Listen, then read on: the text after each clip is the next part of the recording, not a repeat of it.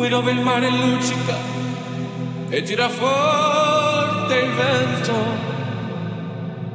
su una vecchia terrazza davanti al golfo di Sorrento. Un uomo abbraccia una ragazza dopo che aveva pianto. Poi si scanisce la voce e ricomincia il canto. Live for you.